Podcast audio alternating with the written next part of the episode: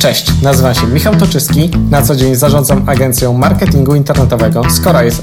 Zwiększamy widoczność małych i średnich firm na rynku, pozyskujemy dla nich nowych klientów biznesowych oraz generujemy wzrosty w sklepach online. W tym podcaście dzielę się z Tobą swoją wiedzą na temat zarządzania marketingiem w organizacjach.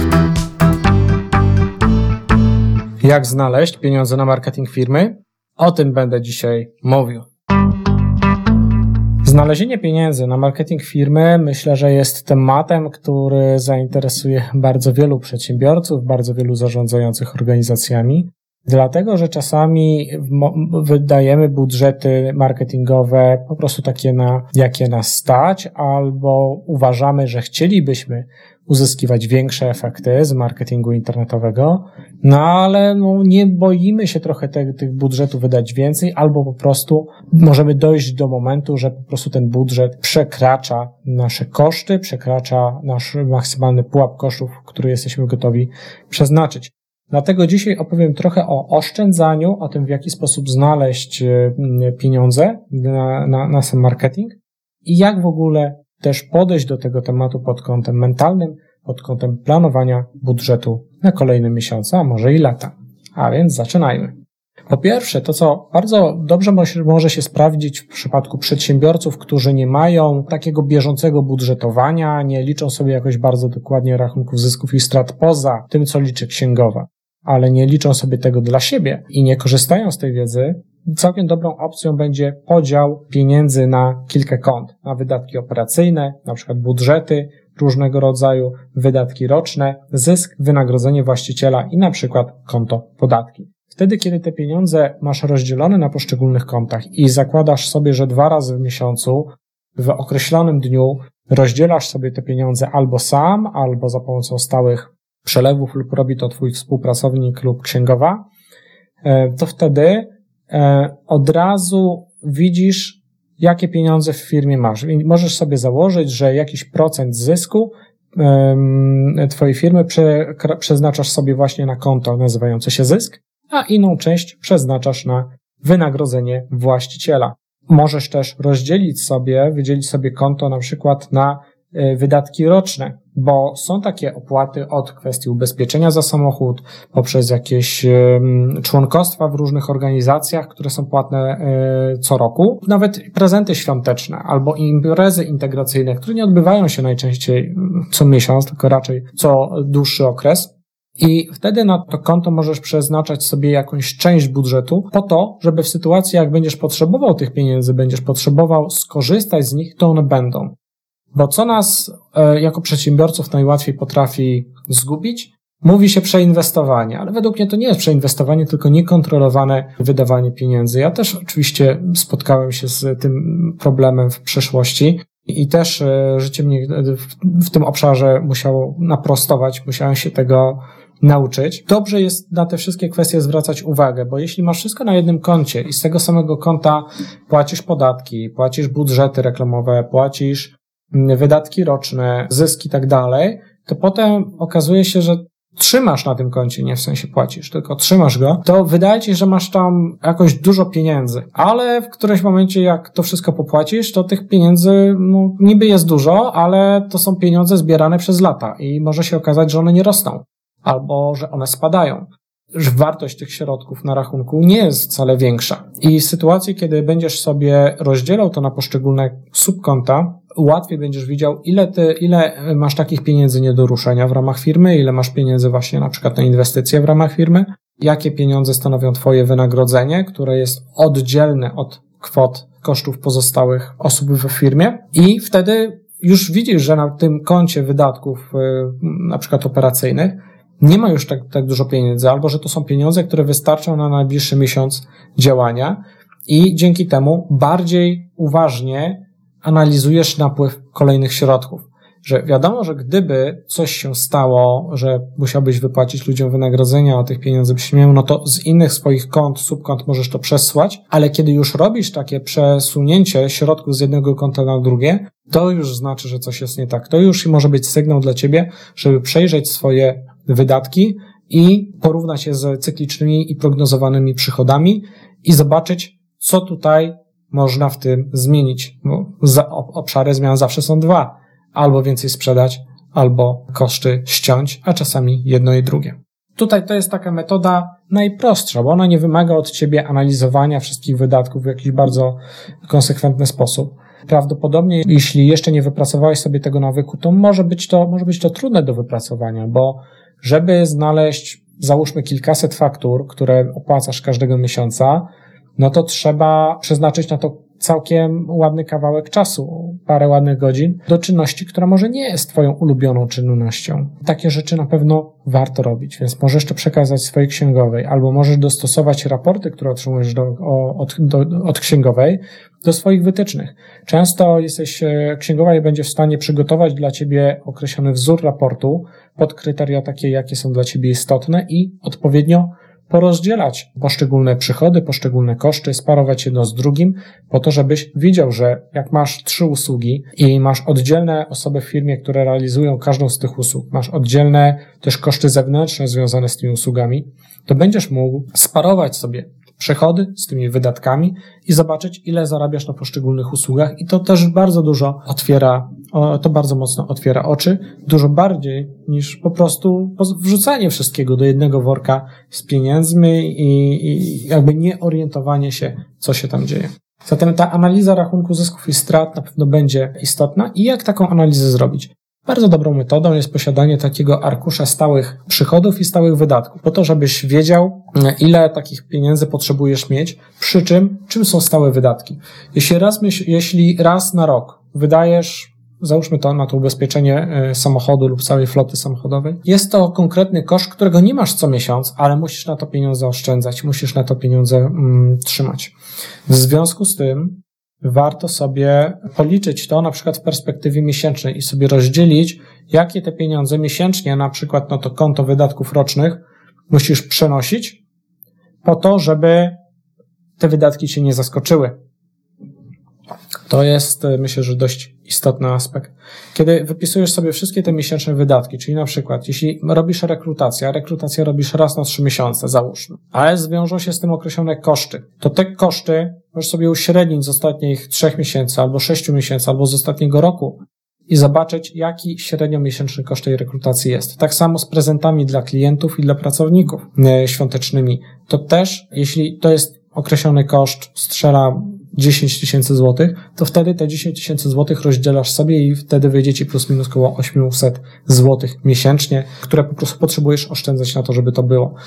Bez względu, czy reprezentujesz firmę 100-osobową, czy firmę 5-osobową, te ogólne zasady będą tak samo się do tego odnosiły. Warto sobie to wszystko, być po prostu tego świadomym. Jeśli już masz taką analizę wydatków, przegląd wszystkich wydatków, to możesz sobie podzielić, ja to lubię dzielić trzema kolorami czerwony, żółty, zielony.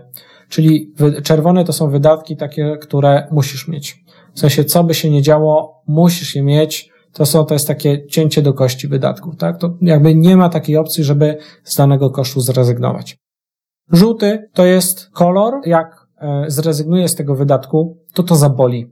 Ale nie ucierpi na tym jakość, nie ucierpi na tym sprzedaż, nie ucierpi na tym, nie ucierpią na tym kwestie finansowe, bo na przykład firma, koszty firmy windykacyjnej albo firmy monitorującej płatności, przypominającej o płatnościach klientom, dla mnie to jest taki kolor czerwony. Bo jeśli z tego zrezygnujesz, to nie tylko, że zaboli, ale też klienci łatwiej mogą nie pilnować tych płatności, ktoś inny będzie musiał się tym zająć, a prawdopodobnie może nie robić tego aż tak skutecznie jak mm, firma zewnętrzna. Oczywiście, co, co firma, to opinia, na pewno mm, masz tutaj samodzielnie w jaki sposób tymi y, wydatkami y, zarządzać, natomiast właśnie w taki sposób i masz jeszcze kolor zielony i kolor zielony to jest jak zetniesz te wydatki, to właściwie nic złego się nie stanie. To nawet tego jakoś mocno nie odczujesz. E, to, co my robiliśmy, kiedyś zastąpiliśmy kilka serwerów dedykowanych, na których mieliśmy wiele serwisów internetowych, hostingami dzielonymi. I spowodowało to, że po pierwsze nie musieliśmy e, opłacać firmy zajmującej się utrzymaniem serwerów, po drugie samych serwerów, po trzecie nie mieliśmy kosztu związanego z, też z update'em tych serwerów, ale tak naprawdę z migracją jednego do drugiego, bo to też był duży, no to też był duży koszt. A i jeszcze pojawiały się e, oczywiście koszty za obsługą tego, że no jeśli coś tam nie działało, no to ktoś się, klienci się odzywali, no i trzeba było utrzymywać dział supportu. A dużo lepiej było zrobić to w sytuacji, kiedy mamy hostingi dzielone. Akurat mówię, że w naszym przypadku, gdzie w cenie hostingu mam już support tego hostingu i e, płacę za to dużo, wielokrotnie, wielokrotnie mniej. I opłacało się zrobić, e, pokryć wielotysięczny koszt migracji z tych wszystkich serwerów, tych wszystkich serwisów internetowych, ale to był koszt poniesiony raz, parę lat temu i to wszystko już śmiga sobie dalej na tych hostingach, a ten koszt jest dla nas praktycznie niezauważalny. I pewnie takie, i to są takie rzeczy, które jesteś w stanie sobie e, przeanalizować. Jeśli zarobisz sobie taki dzień, czasami może dwa dni na to, żeby przejrzeć sobie wszystkie swoje wydatki, takie cykliczne, zobaczyć, które są potrzebne, które dobrze, że są, ale da się z nich zrezygnować, to wtedy możesz sobie zrobić właśnie takie trzy kolumny. Czerwoną, żółtą i zieloną. Sumujesz sobie wtedy wszystkie wydatki, które musisz e, mieć, żeby firma funkcjonowała, czyli wszystkie takie, całe takie cięcie do kosztów. Sumujesz sobie wszystkie wydatki, czyli czerwone plus żółte i wtedy widzisz, jaki masz koszt e, z tymi wydatkami, że Możesz je ściąć, ale będzie ok, tak? Ale to tylko poboli, ale to nie będzie jakieś gdzieś dramatyczne. No i możesz sobie też sumować zielone wydatki. Bardzo często będzie tak, że jakiegoś abonamentu zapomniałeś tu zrezygnować, e, płacisz za niego co miesiąc, bo ktoś kiedyś korzystał w Twojej firmie z danego programowania, ale ta osoba odeszła albo Ty ją zwolniłeś i już z tego programowania nie korzysta, jest też coś takiego jak oprogramowanie płatne jednorazowo. Są pewne licencje, które możesz kupić raz, nie musisz kupować ich co miesiąc i to też obniża Ci miesięczną wartość kosztów. Daje to też spokojniejszą głowę, większy margines, chociaż na, na przykład właśnie do działań w obszarze budżetu marketingowego.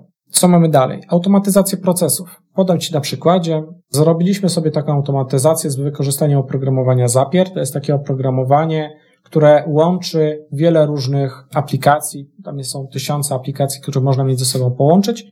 I na przykład mamy coś takiego, że osoba wysyłająca do nas maila z CV, system analizuje tego maila, zapisuje dane do Excela, i na tej podstawie wyciąga dane odpowiednie i zapisuje w systemie CRM. Tam, e, i oczywiście tam, gdzie jest ta klauzula, a każda osoba, która wysyła tego maila, no, załącza klauzulę, no bo tak jest system skonstruowany, że musi być zawarta klauzula zgody na przetwarzanie danych osobowych. I w momencie, kiedy coś takiego jest, wcześniej, kiedy prowadziliśmy rekrutację, godzinę do dwóch godzin dziennie zajmowało um, wprowadzenie nowych CV.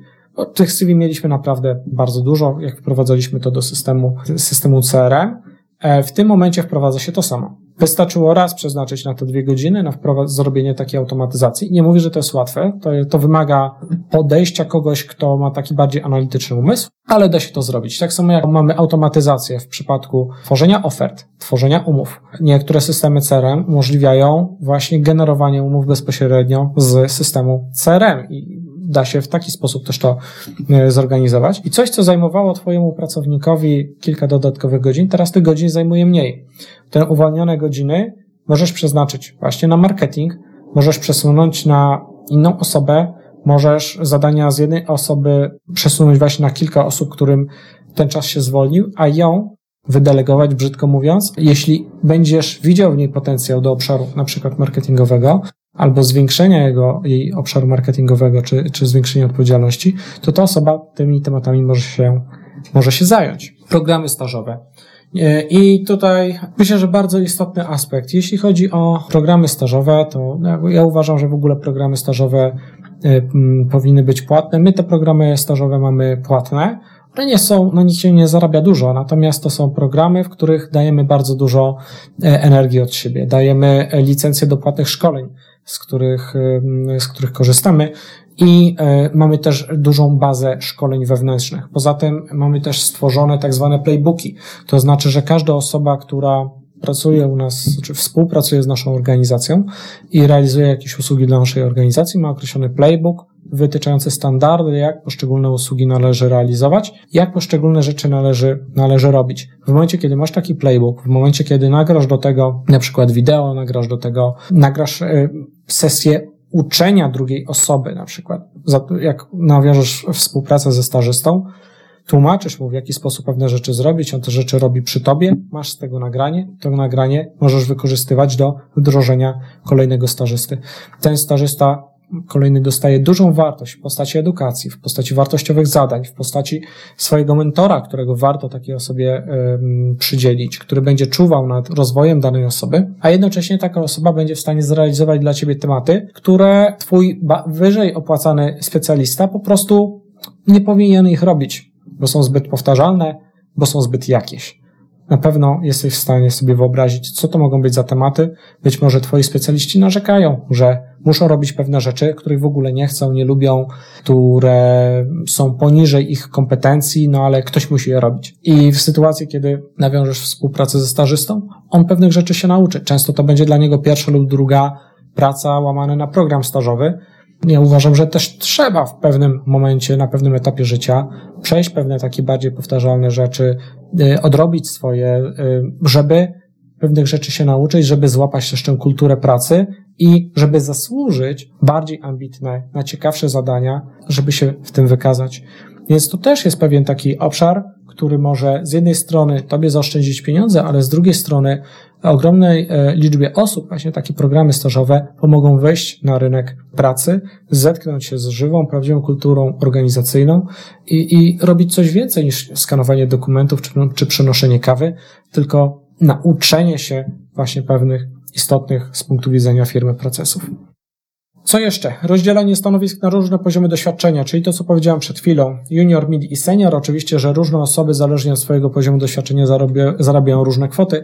W związku z tym, dzieląc e, odpowiedzialność i kompetencje pomiędzy tymi, bardziej odpowiedzialność pomiędzy tymi e, stanowiskami, jesteś w stanie w dłuższej perspektywie na tym zaoszczędzić, bo nie potrzebujesz na przykład dwóch mocnych, dwóch seniorów, ale masz na przykład jednego seniora, jednego mida, Mid mówimy o osobie, która jest na poziomie specjalisty, ani nie jest młodszym specjalistą, ani nie jest starszym specjalistą, tylko jest takim regularnym e, specjalistą.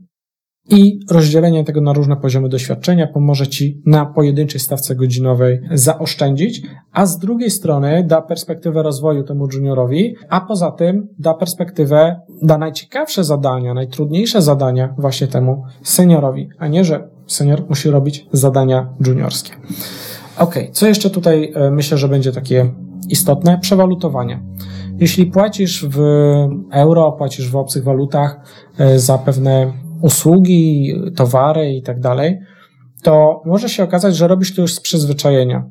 Bardzo często będzie tak, że kiedyś założyłeś jakieś konto e, portalu internetowym, na które wpłacasz środki i wtedy na przykład to konto można było założyć tylko w dolarach albo tylko w euro, a teraz już można to konto założyć też w złotówkach i po prostu tracisz na przewalutowaniach, bo to tak zostało.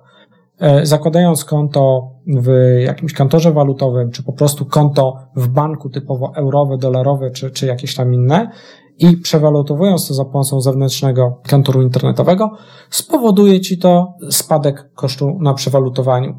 I czasami może się to opłacać. To jest kwestia przeliczenia sobie i też e, jak kiedy już liczysz, to może się wydawać, że ta opłata oszczędność w wysokości 100 zł miesięcznie, 1000 zł miesięcznie, że może ona nie jest jakaś duża.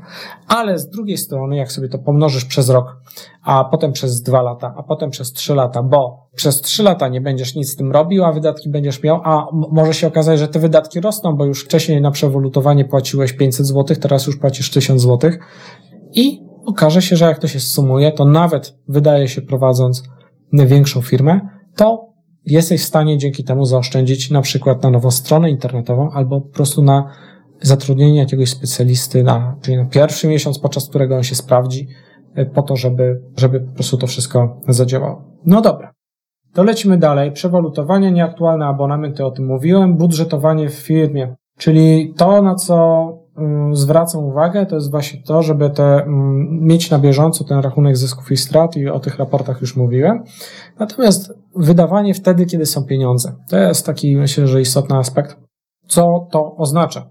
To znaczy, że jeśli masz oprogramowanie, które możesz zapłacić e, z góry za cały rok, i w tym momencie masz pieniądze i wiesz, że z tego oprogramowania będziesz korzystał i wiesz, że z tak, takiej określonej ilości licencji będziesz korzystał z danego oprogramowania, to można je zapłacić za rok, otrzymując wtedy zniżkę. To też jest pewien sposób na oszczędzenie części środków. Jeśli zrobisz tak z odpowiednio większą ilością oprogramowania i, i większą ilością licencji, to jesteś w stanie, jak sobie to podsumujesz, całkiem ładne pieniądze zaoszczędzić. A co z drugiej strony myślę, że jest, jest czy jeszcze bardziej istotne, to pozbędziesz się miesięcznego, miesięcznego kosztu i zwiększysz sobie marżę oprogramowania.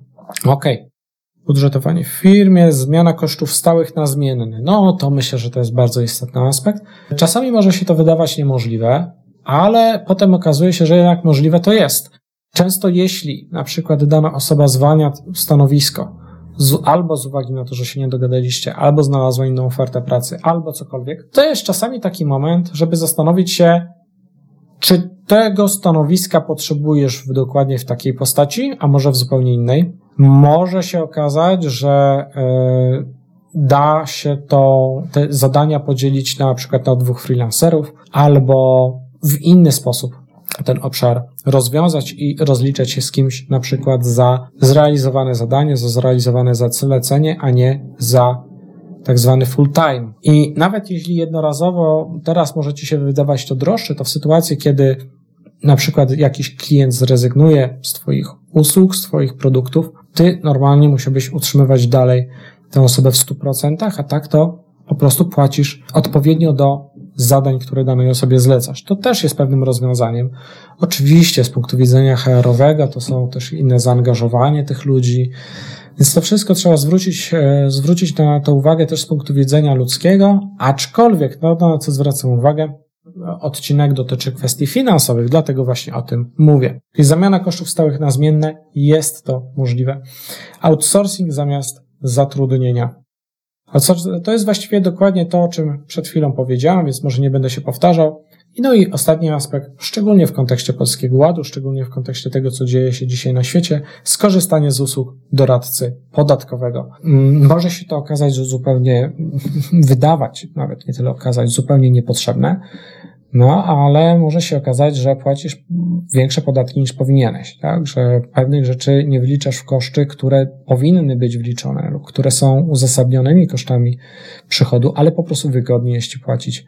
Albo nie wiesz, że możesz je opłacać, wliczać w kosztów firmy, albo częściowo wliczać w koszty firmy, tak jak niektórzy to robią właśnie z mieszkaniami, to w każdym razie to nie jest jakby podcast na ten temat, jak oszczędzić na Nowym Ładzie czy cokolwiek takiego, natomiast można skorzystać z takiego usługi, e, z usług doradcy podatkowego. E, to jest jednorazowy koszt i pokazać tej osobie, jakie koszty ponosisz, jakie koszty będziesz ponosił w kolejnym roku, jakie będziesz też miał przychody i na tej podstawie ta osoba opowie Ci, jakie są dostępne rozwiązania i pokaże Ci, czy jest coś, o czym jeszcze nie wiesz, co możesz wykorzystać, aby płacić podatki sprawiedliwie, takie, jakie powinny być płacone a być może mniejszy niż takie, jakie masz obecnie.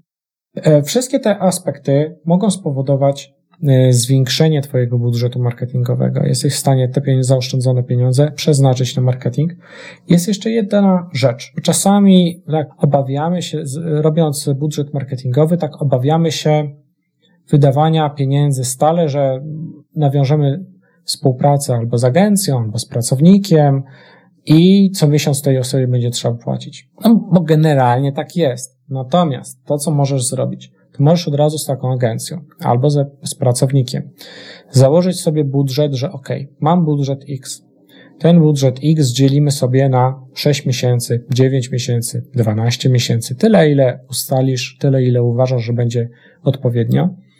I mówisz, że mamy takie cele, takie cele chcemy osiągnąć w tym czasie, obserwujesz, jak te cele są realizowane i wyznaczasz sobie pewien taki limit ryzyka swojego. Czyli to nie jest tak, że ryzykujesz mm, e, tymi pieniędzmi e, x złotych miesięcznie, jak nie wiadomo jak długo, tylko sobie ustalasz taki górny limit. To się może wydawać, jak sumujesz te wszystkie miesiące, że to jest większa kwota, ale to jest kwota, którą zarezerwujesz na, na pewne działania raz, obserwujesz efekty i to, i te cele mają być w tym czasie osiągnięte. Ty też masz pomóc, pomagasz tym osobom dostarczyć takie informacje, żeby wszystkie osoby zaangażowane w projekt miały możliwość zrealizowania z Tobą lub dla Ciebie tych celów.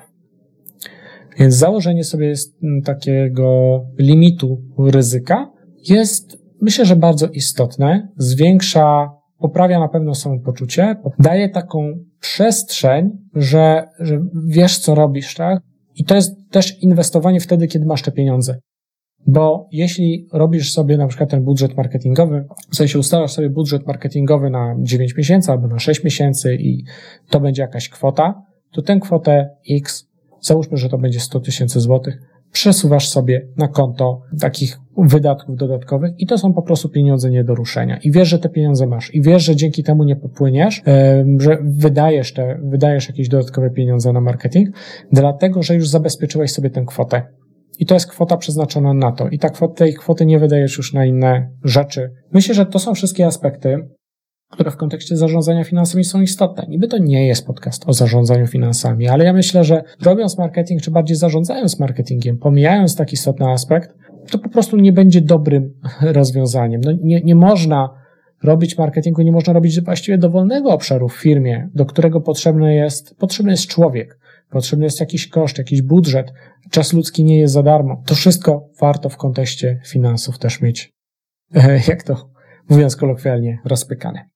Dziękuję Ci serdecznie za wysłuchanie tego podcastu. Mam nadzieję, że wyniosłeś lub wyniosłeś z tego dużą wartość, że wiesz teraz, w jaki sposób znaleźć pieniądze na marketing firmy i to są rozwiązania, które Ci pomogą. Dzięki serdeczne, wszystkiego dobrego.